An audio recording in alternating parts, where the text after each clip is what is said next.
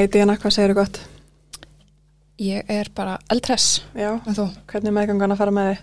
Um, bara vel þessi dagana sko. Já, Ég, já, svona fá smá orku tilbaka, við erum líka flutt og allt svona aðeins að róast. Það búið Já. að vera ótrúlega mikil keisla í nokkra mánuði.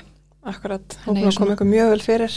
Já, já, já, algjörlega og bara embla byrja í skólanum og Rútínan að komast í gang. já, vá, rútina er best í heimi, Já, alverunni sko. algjörlega. Talað um það, þá vorum við að byrja í samstarfi Já, með eitt vera elda. eitt fyrir elda, já.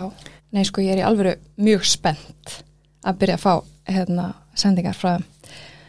Af því að ég allavega þóli ekki að pæli hvað að í matinn. Þólir það einhver? Örglega ekki. En þetta er svona í alvörunni svo líjandi. Mm Ég er ekki búin að búa lengi, ég er búin að búa í átta ára eða eitthvað. En ég er samt bara strax svona svo þreytt á þessu. Það auðvitað bara sjúklaði mikið fyrir. Já, og eitt fyrir elda þá er þetta bara að fá flottan mat, Mm næringaríka mat og fjölbreyttan. Uh, ég kíkti aðeins á heimasíðina þeirra á var að kíkja á réttina. Ég veit ekki alveg hvort ég geti valið þrjá sko, það er svo mikið gyrnilegt. Akkurat. Þannig að, já, þetta kemur sér mjög vel fyrir uh, upptekna fóreldra, Algjörlega. Auðvitað mikið smá. Við erum með tilbúin matapakka. Mm. Þrjá, þrjá matapakka fyrir vikuna. Já, Svo einmitt. getur þú bara að ræða þessu eftir sem hendar. já, akkurat. Og alltaf spennandi að fá matapakkan. Ég hef nokkur sem panta höfum. Mhm. Og Ég líka. alltaf verið mjög ánægð og bara gaman að prófa nýjar uppskriftir maður aða til svona að festast í sömu Mhm. réttunum, Einmitt, allan á mínu heimili akkurat. Svo hérna hef ég verið að geima, þú veist, uppskriftir sem eru góðar. Akkurat, En hérna, já, við erum spenntar fyrir því samstarfi og í þessum þætti fengum við til okkar hann að Þórdísi, leikonu, í ótrúlega skemmtilegt og innlegt spjall. já, Þannig að ég ekki bara vind okkur í það. algjörlega Þórdís, verður velkomin til okkar Takk. Hvað segir þið gott? Ég segi bara allt gott en þið? Mm. Já. Eldhressar, aldrei svo vant Við ætlum að bara byrja á því að spyrja þig hvort að þú verður til að kynna þig bara stuttlega Já, ég heiti Þórdís, ég er yfirleitt köllu Dísa um, og ég er þrítug. Skvísa Þrítug skvísa. Um, bý uh, í Reykjavík og er leikonament og starfa við það. Og já, á uh, strák sem heitir Bjartur sem er að verða fjögur ára í oktober Mm og það er svona það sem ég geri. mm Já. Þú ert að vinna hvað fyrir norðan allar helgar Já, ég er að vinna á Akureyri, vinn hjá leikfélagi Akureyrar og er í síningu þar núna sem heitir Benedikt Bóalfur. Hafið ekki hlusta á lögin á Spotify eða? Jú, Jú, bara á repeat alla sko. daga. Eða það ekki? Sá okkur líka kótilettin í sumar. Herðu, já, Gekkik. já, það var náttúrulega æðislegt. Já. Uh, já, ég er sem sagt í því núna og fer svo í annað verkefni hjá leikfélaginu eftir uh, Benedikt og já, ég er eiginlega bara búin að vera fyrir norðan síðan að ég útskrifaðist Já, úr LHI. einmitt. Og um helgar. Já, og ég er náttúrulega þegar ég er að æfa þá er ég á virkum dögum og svo er yfirleitt sýningar um helgar eða svona, Já, fer eftir hvers eðlis þær eru, en barnasýningar, jú alltaf á lögatöfum og sunnudöfum maður er svolítið eldtress á lögatarsmótnum Já. og sunnudags. Og hvað Bjartur er hvað, fjör ára? að Já, verða? verða fjóra Mhm. Hvernig gengur að púsla saman heimilislífinu? um, Það hefur alveg verið pínu trikki sko, það er ekkit eitthvað það er ekki mjög fjölskylduvænt kannski að vera leikona eða leikari, en maður er bara heppinn með fólk sem er í kringum hann sko. Ég fæ mjög mikið stuðning bara frá foreldrum mínum og, og svoleiðis sko, og bræðrum og svona, þannig að ég þau hjálpa mér svona að, að láta þetta ganga einhvern veginn upp. Mm. Þeir eru misjöfn verkefni líka sem hún farið. Já, mjög misjöfn, jú. Mm og svo erum við náttúrulega við búum ekki saman, ég og pappa hans erum ekki í, í sambúð þannig að- að hann er eitthvað með hann á móti og við reynum bara að láta þetta ganga einhvern veginn. Já, ekstra mikið púsluspill í kringum þetta. einmitt. Akkurat. En ef við tölum kannski um hérna Bjart og Já, eða sérst, ef þú myndir kannski segja okkur hans frá meðgöngunni þinni. já, hún var ekki æði. Ekki hæði, ok.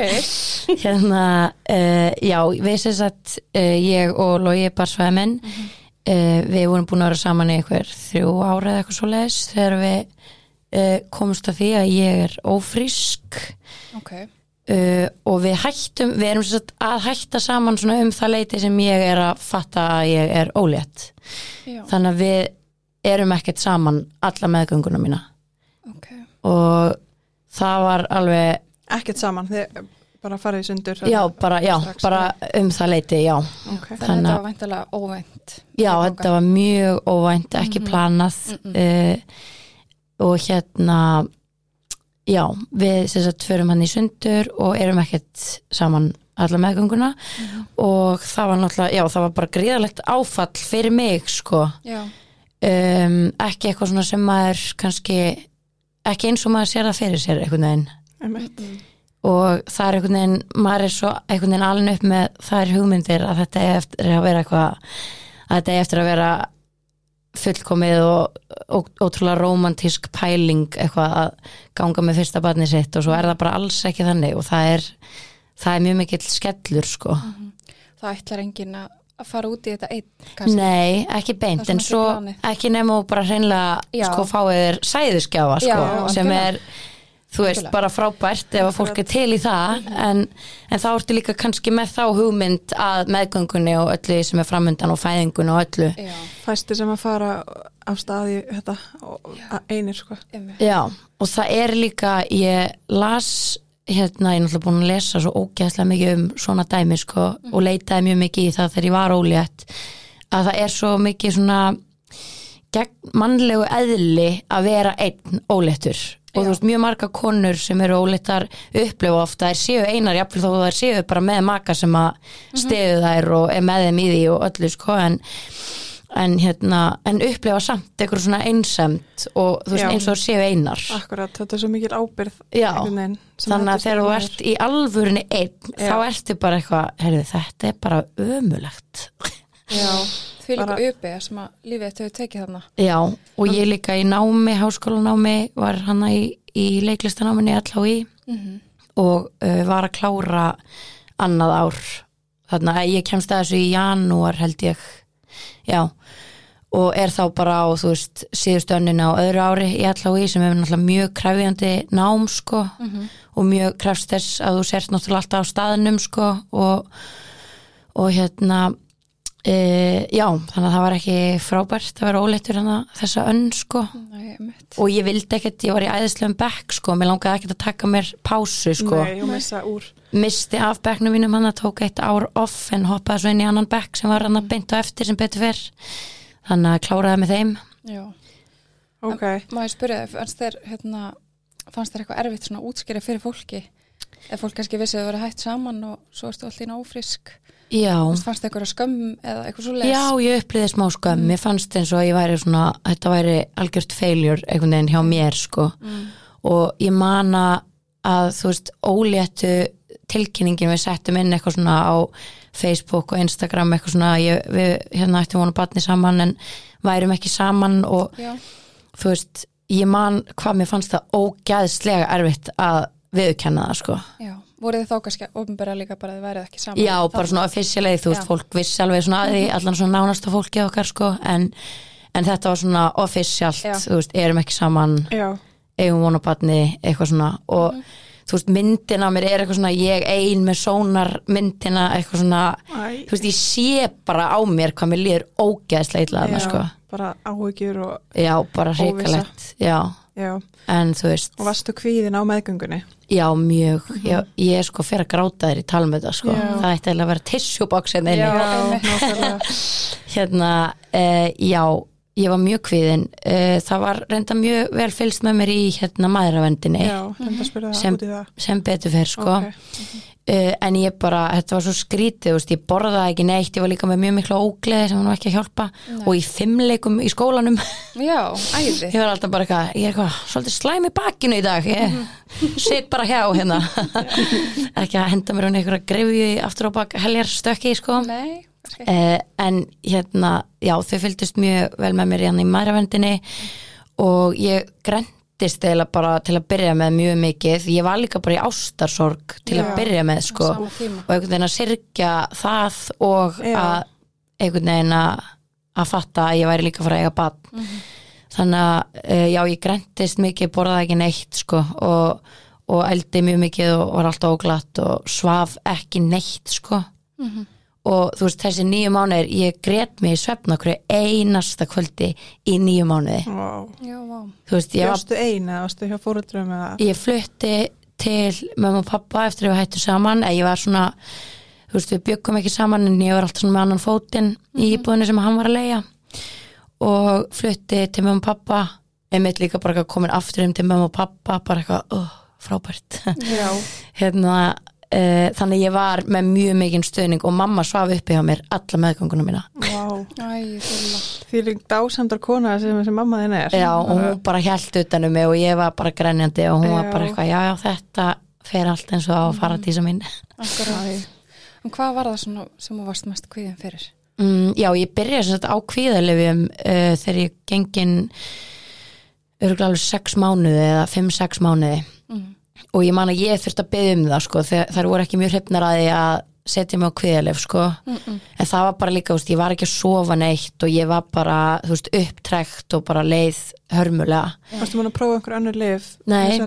Jú, hann að fenegan, hann að drulluna sem að, þú veist, jú, jú, allt í lagi að ég virkaði samt ekkert Nei. Slæm mann alveg út á leginu bara. Já, eiginlega, já, og maður daginn eftir bara eins og bill hafi kert yfir mann, sko Já, martraður og eða kannski, Þekkjum þetta. Já, einmitt. fylgir Já, mér finnst alltaf að ég fæ martraður á meðgöngu og svo þegar ég prófa fenigan bara Fyrir Já. allt í fjandans Já, bara Já, reyðum einhverja steipu sko. frábært. Hérna, já, Fannst þér ekki hjálpa kvíðalefin eða? Jú, ég byrjaði á sertral hann um sumarið og ég var bara eitthvað þið verðið að setja mig á kviðalif þið verðið að gera, ég er bara að deyja. Og hún var alveg, ok, hún sá það bara í augunum á mér, mér leið ógeðslega illa sko, þannig að hún hérna uh, ég hitti fæðingalækni og eitthvað svona og, og þau bara ok, hérna þú getur líka bara að byrja á þeim um leið þú ert búin að eiga og ég var bara, nei, þú veist, ég er ekki að fara að geta átt þetta bann nema ég ná eitthvað að bara já, taka smá toppin af sem ég fannst lifin gera sko. Ok. þau hérna þú veist, ég var alveg ennþá kvíðin en þetta var ekki alveg svona óyfirstíganlegt sko. Mér var svona aðeins meira sama og þú veist, það var líka bara svona þú veist, rosa mikið slúður í gangi og fólk svona seg, þú veist, segja mér í óspurðum fréttum að þú veist, barsfæði minn væri að djamma og hann væri með þessari og þessari og, Já, veist, og ég er bara eitthvað óleitt heima eitthvað, oh my god, ég vil ekki vita þetta þú veist, og Akkurat. baði líka fólk bara um að vinsanlast vera ekki að segja mér þetta en svo er þetta bara Ísland og allt fréttist og svona. En ég reyndi svona að setja smá hjúp og mér fannst kveðalefin líka hjálpa með það sko að vera bara aðeins meira sama sko. Já, og ég hefði ekkert geta átt þetta barn nema því ég byrjaði á þeim sko. En ég er reyndar að hætta á þeim núna. Hætti þegar hann var þryggjára eða eitthvað og Já. sem var bara fínt sko. Ok. En var kvíð eitthvað sem var partur af þínu lífi ára en var, varst ófrísk eða? nei, ekki þannig, nei Það bara að blossa upp hérna. Já, þú veist, ekki nema bara eitthvað svona, þú veist, það er alltaf þessi fullkomnun árátta og þú veist, maður að setja press á sig og allt þetta, sko. Já. og þú veist, bara með tilkomum samfélagsmiðla og allt þetta sem er alveg kvíðavaldandi en ekkert eitthvað svona sem að hafiði eitthvað áhrif á mig, sko, þannig. Nei, en það var mamma alltaf bara eitthvað ég skil ekki hvort að tala um, þú hefur aldrei verið kvíðin eitthvað svona og ég hef eitthvað, já, ég er það núna, mjög mikið. Getur bara tryggarast út frá þessu áfalli. Já, já, já, en svo vorum við líka í sagt svona, við fórum í e, sem sagt pa, para innan gæsalappa, para ráðgjöf hjá fjölskylduráðgjöfa þegar ég var ólétt sem var svona sko, ég man ekki alveg hvernig þetta var það er svo langt síðan, en svona í minningunni fannst mér ekkert eitthvað æðisleg hugmynd sko, af því að við vorum ekki að fara að láta reyna á þetta þannig að við fórum hann í einhverja tíma reyndar hjá indislegum fjölskyldur ágjafa sem var bara ótrúlega almennileg og næs en þetta var svo ógeðslega líjandi fyrir mig Já. að vera í einhverju svona samtali alla meðgönguna að þetta endaði bara með því að þú veist og barsfæða minn vildi mjög mikið fara svona að plana hvernig við ætlaðum að hafa þetta og ég bara gat ekki hugsa meir en einn dag fram í tíman sko Akkurat. þú veist að hitt var bara allt of streituvaldandi sko. þannig að ég man í síðasta tímanum þá var ég, þú veist, mér leið bara eins og ég væri að deyja, ég var bara með bauga niður á höku og ég hérna e, var bara vansvefta bara leið hörmulega og ég man hún horfði svona í augun á mér og hún var bara ég held að við verðum að hætta að hittast í þessum tímum Já, eða, veist, ok. við verðum að slúta þessum tímum Já. bara dísa getur ekki meira Já, svo kannski bara kvíði fyrir tímanum og mæti tíman og já, já, bara guð og bara þegar ég var búin í þessum tímum þá var ég bara grátandi og bara mér fannst þetta bara alltaf þú veist, alltaf verið að ífu upp eitthvað sár og bara eitthvað svona þú veist, og þegar maður er óléttur með alla hormónana og alla tilfinningarnar og Nákvæmlega. maður bara er í bullinu sko þannig að ég var ótrúlega þakklátt henni fyrir að hafa sagt bara eitthvað, heyrðu, þetta er bara komið gott Já. eitthvað, að því svo er einhvern veginn ekkert hægt að gera fyrir en bara, þú veist, batnið er komið og þú þarf bara svolítið að finna hvernig er best að gera þetta og púsla þessu öllu sko. En þarna var þetta kannski líka bara ekki að skila árangri fyrir þig, akkurat þarna. Nei, bara enga veginn betra sko. að slúta þessu Já, algjörlega, líði sem best sko. já, það var það sko Já, leiði bara illa allan tíma? Mér leiði bara illa allan tíman sko. Ég náði ekkert eitthvað svona ekki mikið, ég var mjög duglega að heita vinkonu mínar og þú veist, var mjög duglega að gera alls konar, ég menna ég var á prikinu sko daginn sem að ég fer síðan af stað sko, Já, en edru náttúrulega sjálfsög hérna, neð þú veist, ég var reyndi bara eiga ótrúlega mikið social líf og sem var samt alveg að segja sem ég langaði að gera en bara einhvern veginn til að halda mér upptegni og, og vera að reyna að hafa eitthvað fyrir stafni sko.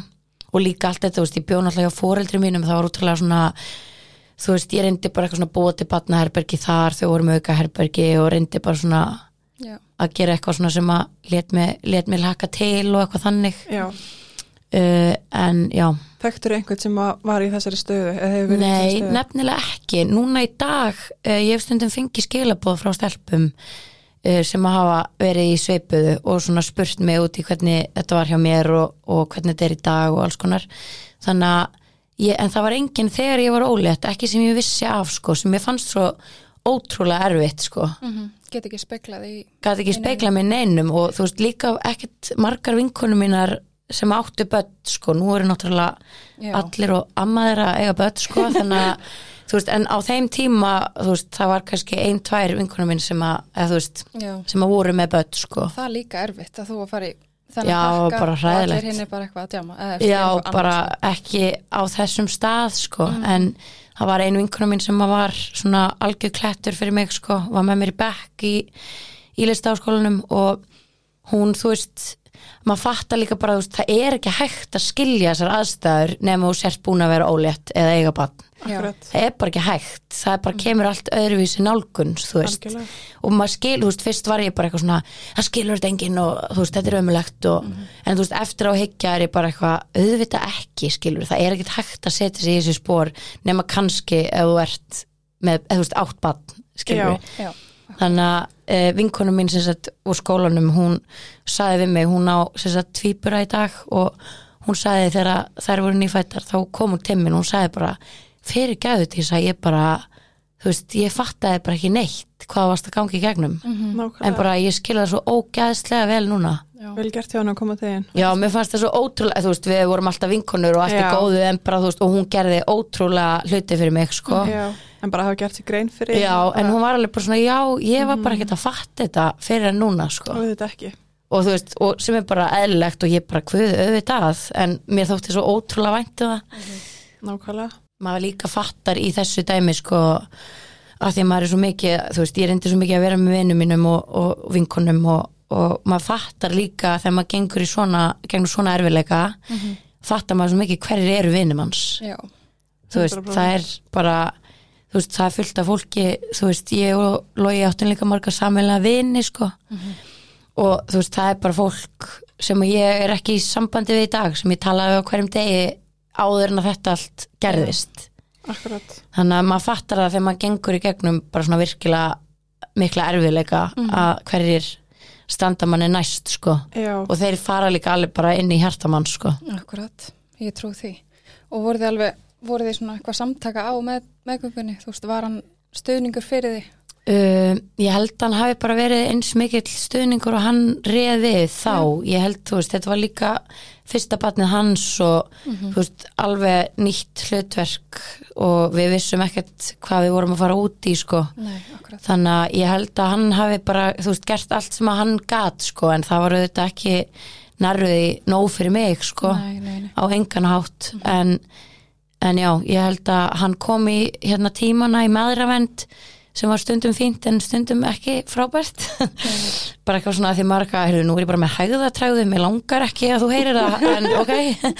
Eitthvað svona þannig. Já, já, hérna, en, og var líka inn í fæðingunni. Við fórum líka saman á okkur svona að ég var í meðgöngu jóka og hann kom í eitthvað paratíma og þú veist, þú veist reyndi alveg að leggja sér framskilur en þetta er líka bara sjúklega óþægilegt eitthvað svona, Skrítin stað að veri já, líka með fyrirverandi kærastanum sínum einhvern veginn. Það er bara skrítið, maður er eitthvað svona ég, manni leið ekkert eins og maður gæti verið eðlilegur sko. Nei, þú veist, og öll svona snerting og allt er bara skrítið, maður er bara eitthvað þetta á ekki að, þetta er ekki rétt sko Þannig að, en já, og var með mér í fæðingunni líka. Og svona eftir á að hyggja og veit ég ekki sko hvort að það hafi endilega verið það sem var best fyrir mig þá. Að hafa að hafa hann með sko. Já. en ég upplýði líka, þú veist, maður var svo ótrúlega torn þessa nýju mánuði að því að, þú veist, ég vildi ekki að hann væri að missa af neinu en samt gæti ég ekki hugsað mér heldur að hafa hann með í öllu sko. Nei, þú veist, þannig að ég var alltaf með samvinsku bita, ég var ekki að leiða um að taka nóg mikið þátt, en á sama tíma var ég líka að reyna að passa upp á sjálfa mig og nákvæmlega, fullu fanga mig sjálfa. Þig já, þannig að ég er bara einhvern veginn þetta var ótrúlega svona erfiðu tími upp á það að gera, þú veist, að vera alltaf með samvinsku bit og, og líða eins og maður sé ekki að gera nóg en ganga samt svo oft yfir sín eigin mörk, Já. sko af því að maður vildi ekki að hann væri eitthvað út úr eða eitthvað þannig. En já, með fæðinguna þá held ég að það hafi þú veist, þegar ég horfði tilbaka þá myndi ég ekki gera það svona sko. Þá, þú veist, það var bara allt og erfitt. Ég vildi ekki vera, þú veist, mér langaði ekki vera nakin fyrir framannan, já, þú veist, það var bara þú veist, og þegar maður gengur í gegnum sambandslit og það verður svona, þú veist maður er í ástarsorg og maður er útrúlega eitthvað svona viðkvæmur og lítill, þá einhvern veginn, þú veist það brotnar bara, bara eitthvað traust Já, hjá manni. Mhm. og þú veist, brotnar traust og maður er ekki það er bara ekki eins samskiptin eftir það. Þú veist, þannig að maður er ekkert eitthvað tilbúin að gangi gegnum mesta svona vulnerable tímabili sitt með manneskunni sem að brauti manni hjarta, skilur við Ég held að sé alveg tvent ólíkt að vera einstæður að að vera ólétt og einstæð mm og ganga gegnum ástarsorg og vera bara eftir vonætt stöndi eða eitthvað. Já, já, þannig að er, þú ert að gangi gegnum svo mikla sorg á sama tíma. Já, algjörlega. Ég hugsaði líka oft, ég var svo þú veist, hugsaði svo oft eitthvað svona, þetta er ömulegt fyrir badni eða eitthvað neginn þú veist, get ekki haft okkur saman fyrstu árin þegar tengslin er að myndast og allt þetta. Þú veist, að það, syrgja það og já. Þú veist, og maður er svona, hvernig á ég að láta það ganga upp þegar við erum ekki saman og allt þetta sko? Þú veist, þó að í dag sé langt best að við séum ekki saman en þú veist, best fyrir alla en, en það er svona þetta tímabil sem maður er svona eitthvað það er ótrúlega erfitt að geta ekki gefið barninu sínu það sko. Akkurat. Það mér langar svolítið að spyrja það nú er svona stærsta mómenti í kringum að eignast barn er pínu svona að fara heim með barnið? Já, og ég ymda mér að það hefur verið svolítið skrítið. Hvernig, hvernig gerðu þetta, fóruð þið saman með hann eitthvað eða? Já, það var náttúrulega mjög skrítið. Mér finnst stundum eins og þetta hafi gerst í einhverjum öðrum heimi eða einhverju öðru lífi af því þetta var allt svo skrítið sem það er ábyggilega líka bara þótt þú er, eða þú veist sért með maka og átt fyrsta barnið þá er þetta alltaf svo skrítið allt. sko. Já, einmitt súrealískar aðstæður sko, Já. sama hvernig það er en mann er bara treyst fyrir því að fara með þetta barn út á spítalanum já, sko. maður er bara, ha? já, Hérna, uh, já, þannig að við uh, vorum reyndar í nokkra daga á spítalanum að því að hann var tekið með sóklöku ok og þetta var svona pínu svona uh, mjög löng fæðing ég var í frá 50 degi til sunnudags að eigan sko já, ok. Það er önnur sá, við komum kannski tölum við það eftir. Hérna, þannig að uh, já, þegar við fórum loksins á spítal, spítalanum þá vorum við búin að uh, ákveða að hann myndi koma heim til fóreldra minna sem að ég bjó. Og hann ætlaði að vera innan handar fyrsta mánuðin í fæðingrólofi ok, og þannig að þú veist, hann kom með mér heim og þú veist, var svona já, reynda aðstóða en fór alltaf heim á kvöldin Já. og svaf heima, kom svo bara aftur um morgunin, ok. En það er náttúrulega þú veist, með nýfætt bad þá er oft mjög mikið aksjón á næturnar.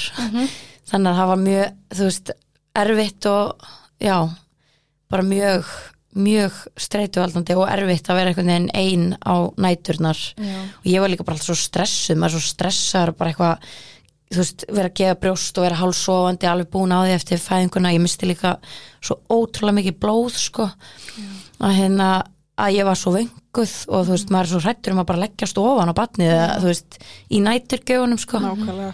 Og allt þetta en sem betur fyrir þá náttúrulega var ég hjá fóreldri mínum þannig að mamma bara hún var bara eins og maki minn þú veist á var frábær fyrir svo, mamma mín var eins og maki minn.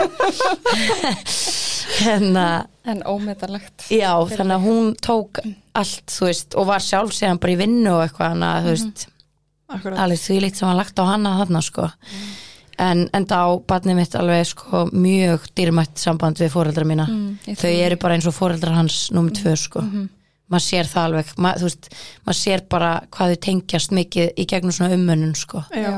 akkurat. Ekki spurning. þannig að fyrstu dagarnir já þeir voru bara síðan um að bleiku skí með öðrum orðum. Já, alveg bara eðislegt fyrir það. En fannst Hérna. þér aðstóð í að hafa, hafa hann að koma að hjálpa þér og... um, já, já, þú veist hann, hann meinti svo ótrúlega vel með því að vilja koma og vera þarna og þú veist, var auðvitað spenntur fyrir þessu nýja verkefni og Já. þú veist, hérna þannig að þú veist, maður sá það alveg sko en það var einhvern veginn, þú veist, ég gat bara ekkert verið ég Nei. fyrir framann hann það var eiginlega svolítið vandamáli og fyrir utan það ég fekk líka sýkingu í brjóstið og var þú veist með sár, blæðandi sár á geirvertunum og setja eitthvað krem og þú veist þetta og bara gett sveitt og bara Sko, með útreinsun og einhver tíman ósexy þá var það hérna, eftir fæðingu. Já. Já, bara- Það er bara svo ógeðslega viðkvæmi líka. Já.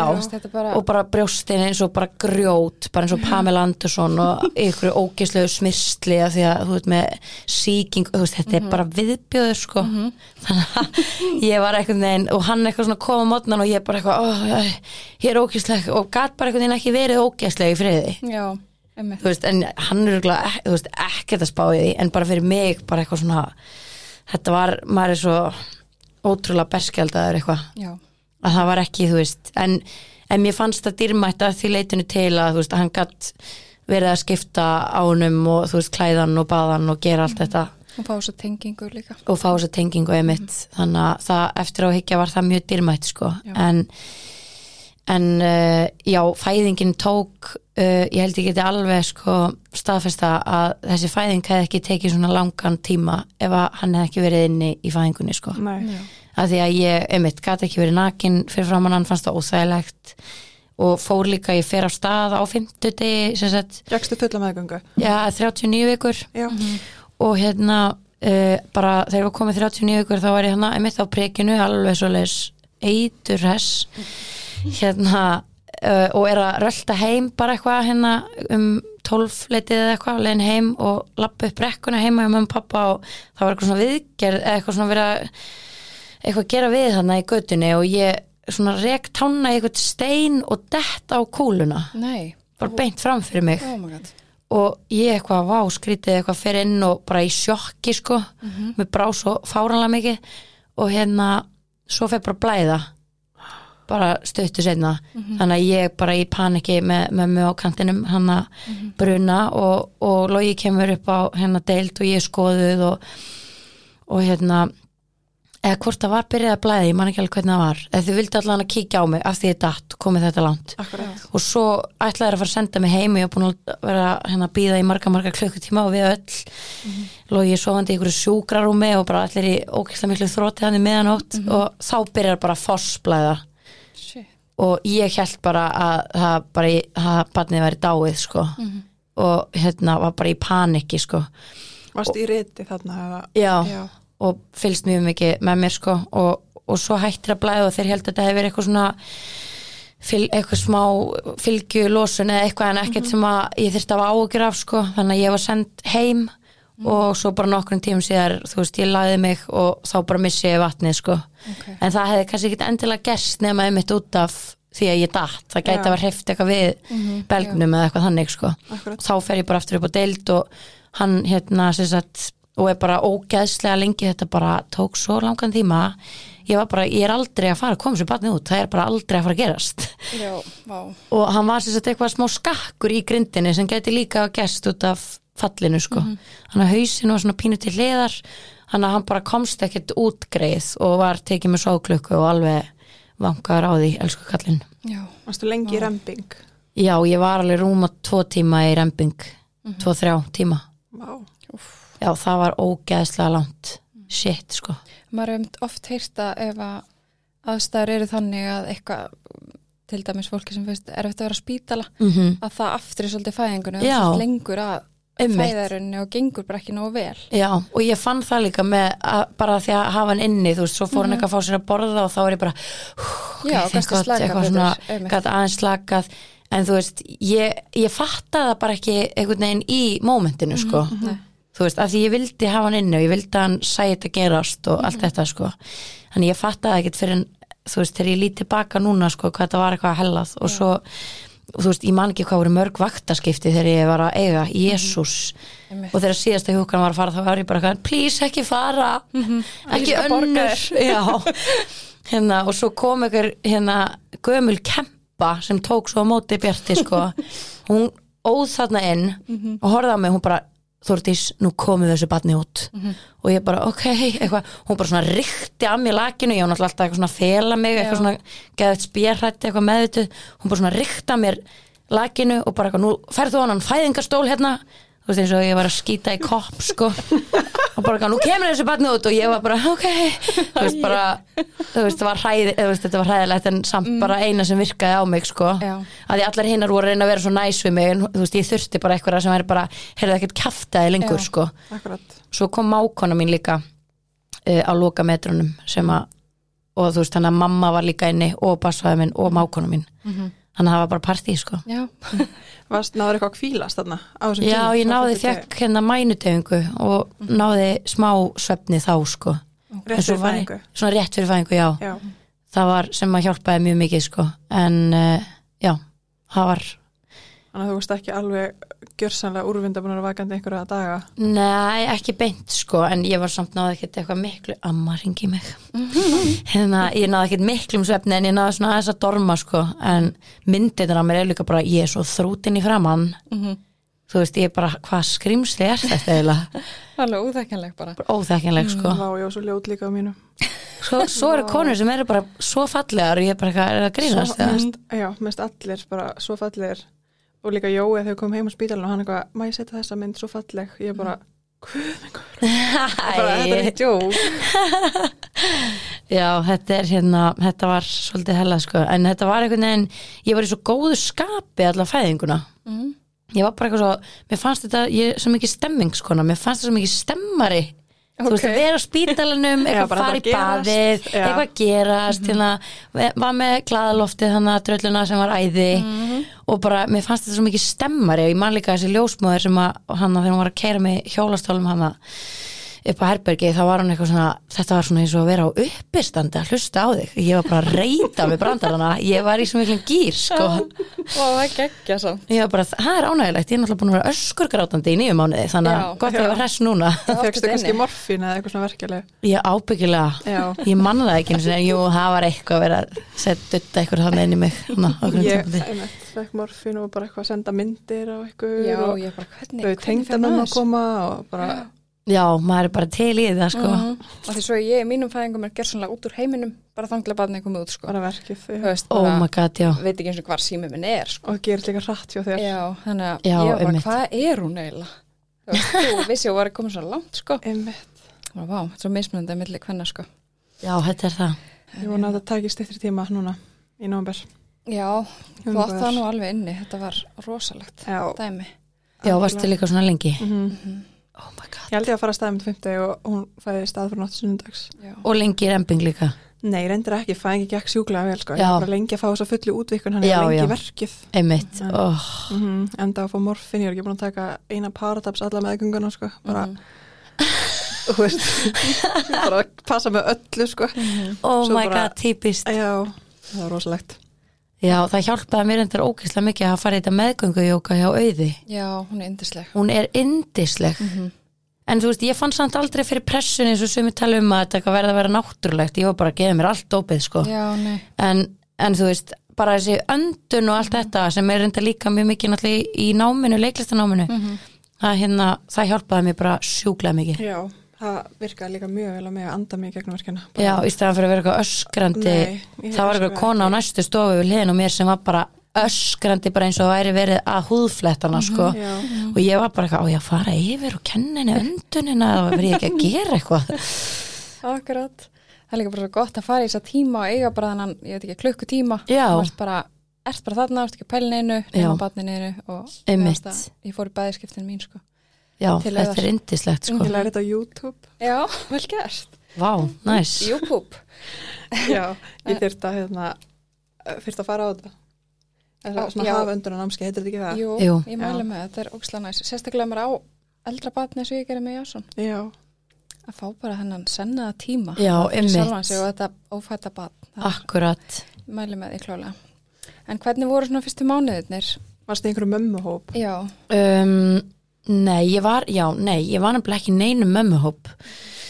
Uh, og ég var, það var enginn í kringum mig með barn sko, þannig að ég upplýði mig ótrúlega eina sko, með þetta að gera sko. Þó ég hafi, þú veist, átt marga vinkonur en engar svona í þessu stúsi, þessu barnastúsi sko, þannig að ég upplýði mig alveg pínu eina þannig til að byrja með sko. Og líka bara, þú veist, mér langaði bara að vera í skólanum, ég var ekki, einhvern veginn ekki að nei. Ekki tilbúin í þetta einhvern veginn, þú veist, mér langaði bara að vera í, já, bara ég sko. Já, uh, en ég fór mjög snemma eða fór að vinna þegar hann var bara sex mánuða eða eitthvað að fljúa í Æslandir Mhm. og var líka að túra smá með Reykjavík dætrum og þú veist, hann var náttúrulega brjósti alveg til hann var eins og hálsás eða eitthvað. Ok, ekki? en ég náði einhvern veginn að halda því, ég veit ekki alveg hvernig það gekk bara svo vel brjóstakjöfin fyrir utan náttúrulega svona, Mm svona í byrjun Já. kannski sem er kannski bara eðlilegt. Já, Algjörlega. hún er oft lengi að fara á stað sko. Já, en þegar þetta var komið að stað þá var þetta bara geggjað og mér fannst það aldrei eitthvað svona líjandi þannig, ég, mér fannst það alltaf bara ótrúlega næs sko. Mm og hann fæðist þarna helbröður og hraustur og fullkominn bara. Já, Já, Ógæsla sætur. já, sjúklega náttúrulega fallegur. ríkalega sætur.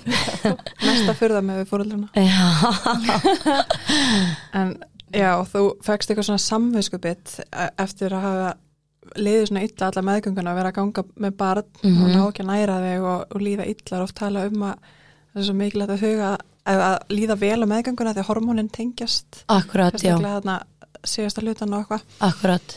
Varstu með eitthvað, eitthvað þessu? Já, mjög mikið sko, já, mjög mikið. Og ég hugsa ennþá í dag sko, ég hugsa, þú veist einhvern veginn þú veist, að þessi ótrúlega vanlegan sem ég gekk í gegnum þú veist, það bara lítur að, hann lítur að hafa fundið þetta sko.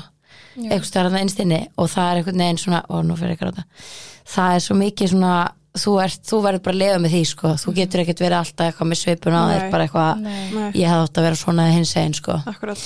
En hann er líka, þú veist, hann er svo ótrúlega ljúft barn, ég hugsa oft einhvern veginn svona þú veist, að þetta hefur verið bara alheimurinn að launa mér þetta erfiði einhvern veginn og láti mig fá þetta barn sem er bara, hann er svo ótrúlega ljúfur, það hefur ekki verið neitt vesen á honum, hann er alltaf bara mamma ég elska þig. Æ, mamma þú ert sætasta kona sem ég hef séð. Eitthvað, mm. veist, hann er bara eitthvað svona engill og ég get bara farið með hann út um allt og hann er enda svolítið svona feiminn og svona tilbaka svolítið alveg eins og ég, nei. Það er ekki. frá mér en já, já. Bara svona, já, bara svona algjör mús einhvern veginn svona ótrú, ótrúlega góður og, og ljúfur. Og ég er oft bara eitthvað, já, þetta er örgulega bara al, almættið að launa mér þetta Eða bara svona, uppeldið já, eða það, náttúrulega Kannski það líka.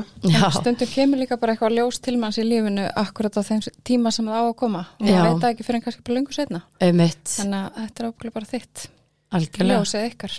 Það er svo oft þannig að þegar konu ganga með barn að hellist yfir e- einhvers konar kvíði eitthvað gamalt tráma eða eitthvað sko. Mm og hérna tala nú ekki um því að það er bara að gerast akkurat þarna. Ástarsorg og get ekki ímynda mér að þessari staðu sko. Nei, en, og þá koma átt svona áhyggjur hvort að þetta sé að hafa áhrif á barnið og Mhm. samvinskupið og en mm auðvitað getur maður ekki gert neitt annað en bara uh, hlúa sjálfum sér og gert sitt best að maður getur ekkert algjörlega. látið sér sofa ef maður er ekki að ná að sopna og Nei, algjörlega sko. En ég upplega líka svo mikla svona þú veist, ég var lengi svo betur út í barsföðu minna því mér fannst að vera honum að kenna skiluru að þetta væri svona og að vera honum að kenna að mér liði illa og þessna liði barninu illa og þú veist, allt þetta. Það en, eru þetta stjórningi aðstæðinum. já, Já. en það er einhvern veginn, þú veist, svo með tímanum þá bara þú veist, gleymum maður því svolítið og bara, þú veist, það þýðir bara ekkert það er bara ekki Það tekur bara svo mikið frá þér. Já, já, já, algjörlega, en þetta er klárlega bara, veist, það hefur ekkert í lífið mínu haft því að mikil áhrif á mig, sko, ég er bara, þú veist, ég er breytt manneska eftir að hafa farið í gegnum þetta, ég bara er allt öðruvísi í, í samskiptum við, sko, náttúrulega sérstaklega, sko, í ástarsamböndum, ég er bara önnu manneska, sko, og líka bara í samskiptum við fólk almennt, Finnst það að vera brendi þá eða... Ég mjög brend, já, rosalega brend og það er eiginlega bara svona, svona rétt kannski að lagast núna finnst mér, bara eftir mjög mikla svona, þú veist, sjálfsvinnu og sálfræði, þú veist, marga, marga sálfræði tíma og Já. svo marga. Og þú veist, og fari gegnum þetta tráma og allt þetta. Og ég, sálfræðingur minn sagði mér þess að bara eitthvað, þú er náttúrulega bara með áfallastreitur öskun eftir þetta. Já, Hvernig fannst þér að heyra það? það var alveg svona það var skrítið sko en, en samt meikaði það bara svo mikið sens sko. Þú veist, og þetta er bara svo líkamlegt veist, ég finn ennþá bara svona líkamleg viðbröð þegar ég Já. fer aftur í tíman og hugsa um þetta. Þá verður þetta bara svona líkamlegt fyrir manni sko, en það sem maður er nú listamaður, þá ætti maður að geta nota það í eitthvað eitthvað gott. Bara oft- gott að fá líka bara uh, stimpil eða sérst orð á einhverja líðan. Já, eins algjörlega, þetta er ábyggilega bara það. Já, einmitt. Og svona vita aðeins hvað er búið í gangi innra með manni Já, og líka bara, þú veist, það er bara gott spark í rassin líka fyrir mann að, þú veist, vinna bara meira í sjálfum sér og, og allt þetta, sko, að því maður hefur verið látið eins og fáviti margoft, sko. Þú veist, einmitt í eitthvað svona miður tráma, skilur, maður er bara ekkit þú veist, ég gerði fullt af hluti sem ég sá eftir og, og leið ekki vel með, skilur þú veist, þegar maður er bara svo ótrúlega ótengdur sjálfum sér, sko. Akkurat, og reyður og hættur og áhugifullur og bara, já. ótrúlega reyður, og það er svo leðalt að vera reyður, sko, það er alveg vest já, sammála því. En maður mér langar að spyrja þig, gætur þú hugsað þér að ganga aftur með bann? Já, það er mitt, ég hef hugsað þetta mjög, mjög lengi. Og þú veist, flesta daga þá er ég bara nei, ég held ekki, þú veist, mér hefur alltaf langað til að eiga stóra fjölskyldu sko, en ég er bara svo, þú veist, ég bara, Guð hjálpi þeim manni sem ætlar að gera mig óleita því ég eftir að vera bara, þú ferð ekki neitt, þú ferð ekki eins og klósitið. Gætur það hér hálsól? Já, þú veist, eiginlega út af því er ég smá bara eitthvað, ég veit ekki hvort það sé gott sko og, og náttúrulega Bjartur er komið með sískinni hjá pappa sínum sko, hálfsískinni þannig að ég er mjög svona þakklátt fyrir að hann elst upp með sískinni sko. Já, uh, ákveðin pressa tekina mér þannig að en jú, ég held það, ég held að það sé bara kannski smá tími í það bara meðan ég held áfram að vinna pínu úr þessu. En, en jú, mér, mér langar að eiga fleiri börn, já en ekki svona, náttúrulega. Það mun bara á réttum stað í Já. lífinu já, og vera undibúin fyrir það að það mun örugglega triggerast úr fyrir reynsla.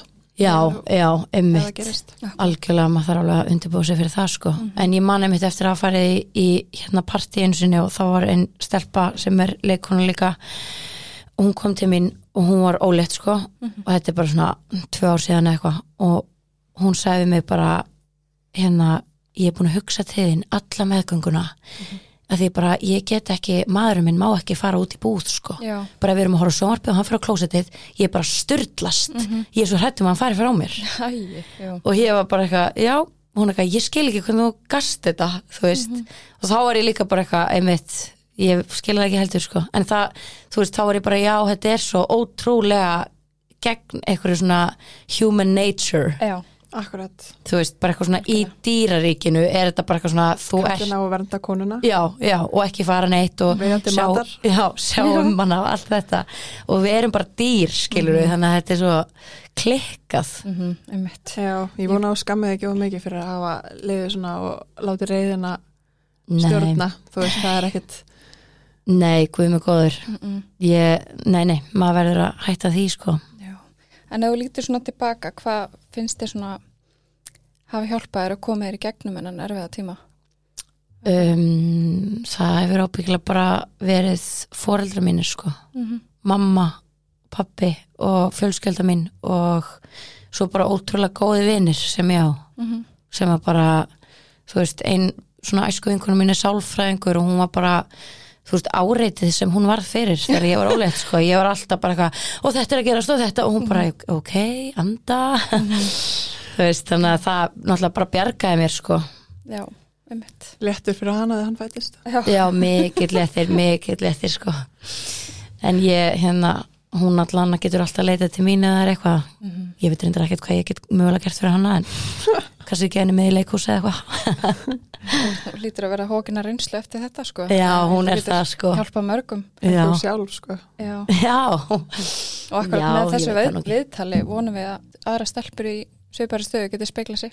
Já, algjörlega. Í en svo er þetta svo misjæft líka bara eftir sambandinu við basföður sko. mm, Algjörlega.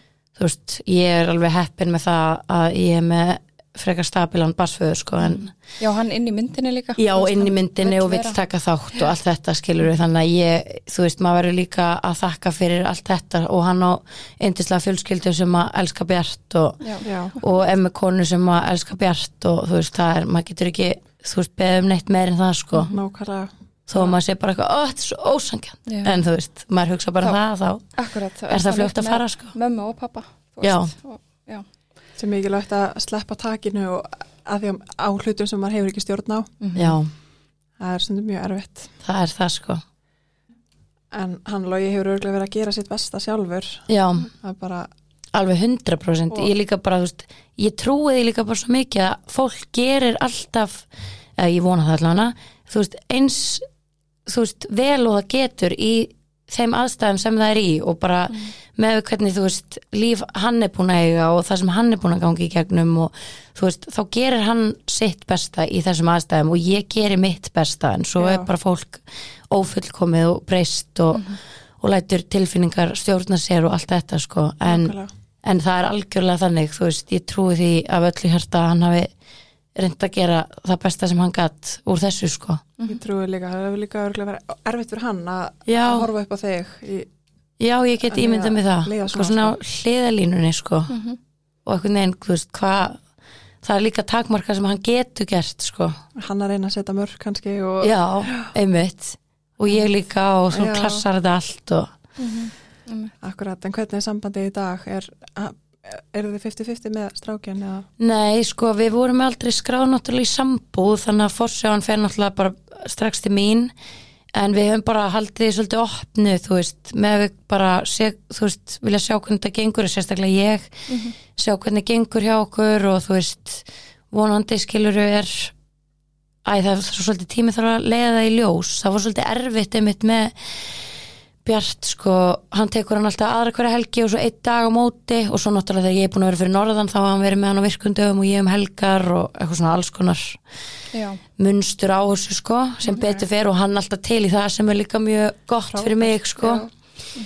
uh, en Bjartur er líka alveg þannig barn, hann þarf svolítið reglu sko þannig að þetta getur alveg verið pín trikki uh, svo er það rúglega misast eftir börnum sko en hérna hvað var ég að segja? ég held að börn, flest börn elski svona bara ramma og Já. bara Já, rútínu og reglu sko. Já, þannig að það er alveg, ég fæ líka samanskapið yfir því að hann sé einhvern veginn alltaf eins og þeitisspjald, skiluru og þú veist, og ég er bara eitthvað, oh, hvað er ég að gera þér, elsku barn? En svo þekkir hann líka ekkert annað nei, nei, svo þekkir hann alltaf ekkert annað, elsku barnið. Svo er það bara í mörgum öðrum störfum sem Já, já, að algjörlega. Vaktavinnur og flug, flugfreyjur og flugmenn og alls konar. já, jésús algjörlega, sko einmitt, fyrstu mánuðinni voru líka sérstaklega trikki upp á þetta að gera, sko af því að hann var hann með mig fyrstu mánuðin svona til tags og svo er ég með hann í fæðingrólofi og þú veist, þegar þú ert með brjóstabarn það er ekkert, hann getur ekkert þú veist, ég vildi fá hann þú veist, í nætur.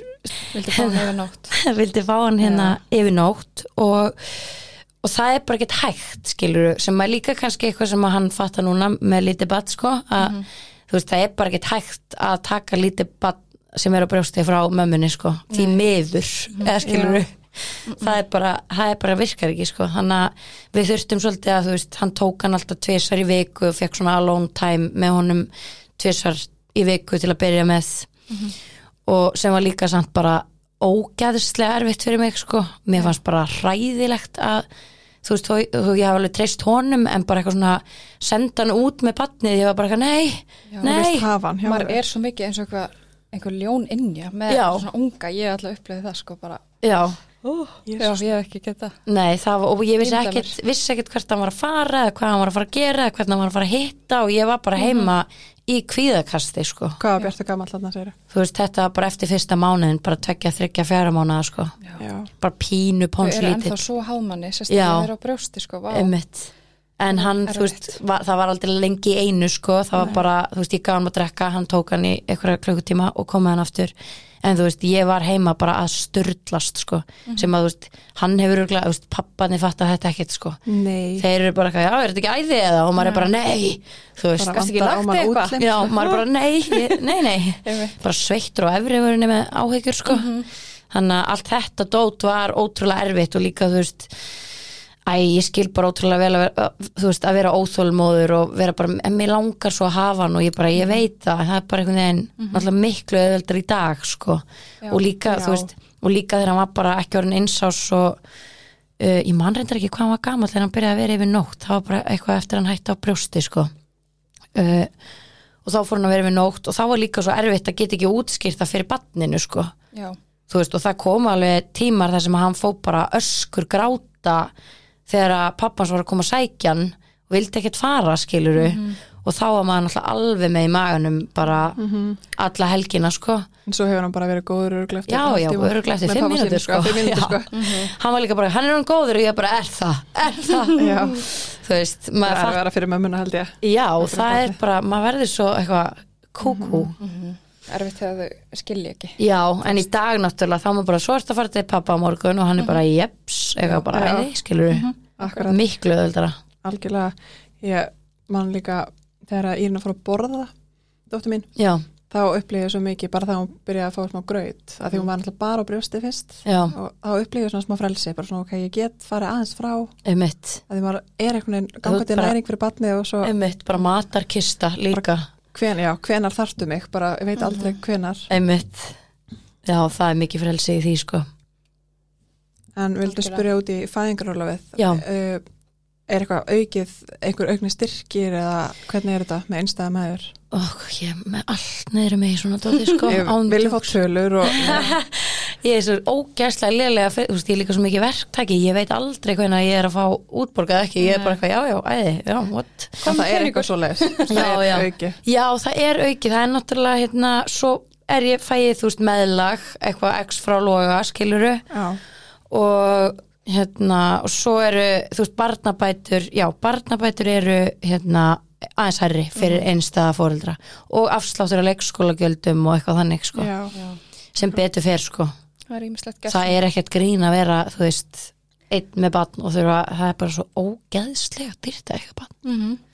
er það. Og nú er ég kona sem að elskar að eða penning sko, en bara guðum og góður. Mm þannig að þegar maður er einn þá er maður náttúrulega líka með áhyggjur af þú veist, Já. fjármálum og ekkur þannig sko, að framflita og já, ofan og allt. Mm. já, og þú fórst að vinna frekar snemma, eða ekki? jú, fór að fljúa þegar hann var sex mánuða eða eitthvað svo leys held ég, já, já, bara, þú veist, um og ég kláraði fæðingar og já, já byrjað þá bara í 50, 50% eða? nei, ég byrjaði hann að bli 100% já, að ég var ekki fastra en ég held þú getur bara gert það fastra en eða það var þannig allavega. Ok, þannig að ég byrjaði bara full on í 100% það var bara sumastarf sko. Já, já. Þannig að það voru þarna mánuðir. hellaði mánuðir. Já, ég eitthvað að pumpa minn á klósetti og, og svo eitthvað svona með alltaf með auka uniform náttúrulega því að herru, það er bara að byrja að leka höfður hérna. Hvað vil ég mjólk í kaffi eða hvað segi oh já, maður langar að spyrja út í hvort að hafur einhver ráð til hvenna sem er í svipari stöðu?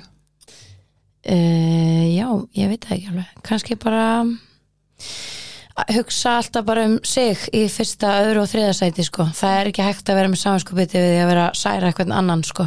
Og verður bara að hugsa um þig þegar þú sérstaklega sko, á meðgöngunni og þessa fyrstu mánuði og vikur sko. Mhm. bara hugsa um þig, ég var ekki mjög góð í því sko. einhvern veginn, þú veist maður er alltaf að reyna að vera eitthvað people pleaser sko. já, það bara er ekki, þú veist, það kemur bara alltaf niður á þér sko. þannig að ég myndi segja það að hugsa, hlúa að sér sko, nummer 1, 2 og 3 og umleikja sig góðu fólki sem þú treystir og reyna að hafa bara, þú veist, smá gaman og líka hafa smá húmor. Ég er náttúrulega gerði mjög mikið greinaði að vera ein ólétt sko. Já, það. já, já, já, já. Ég var allt, það var bara svona, það komið smá í gegnum þetta að hafa bara smá húmor fyrir því og vera alltaf eitthvað að gera grínaði að vera ein og enginn elski mig og eitthvað.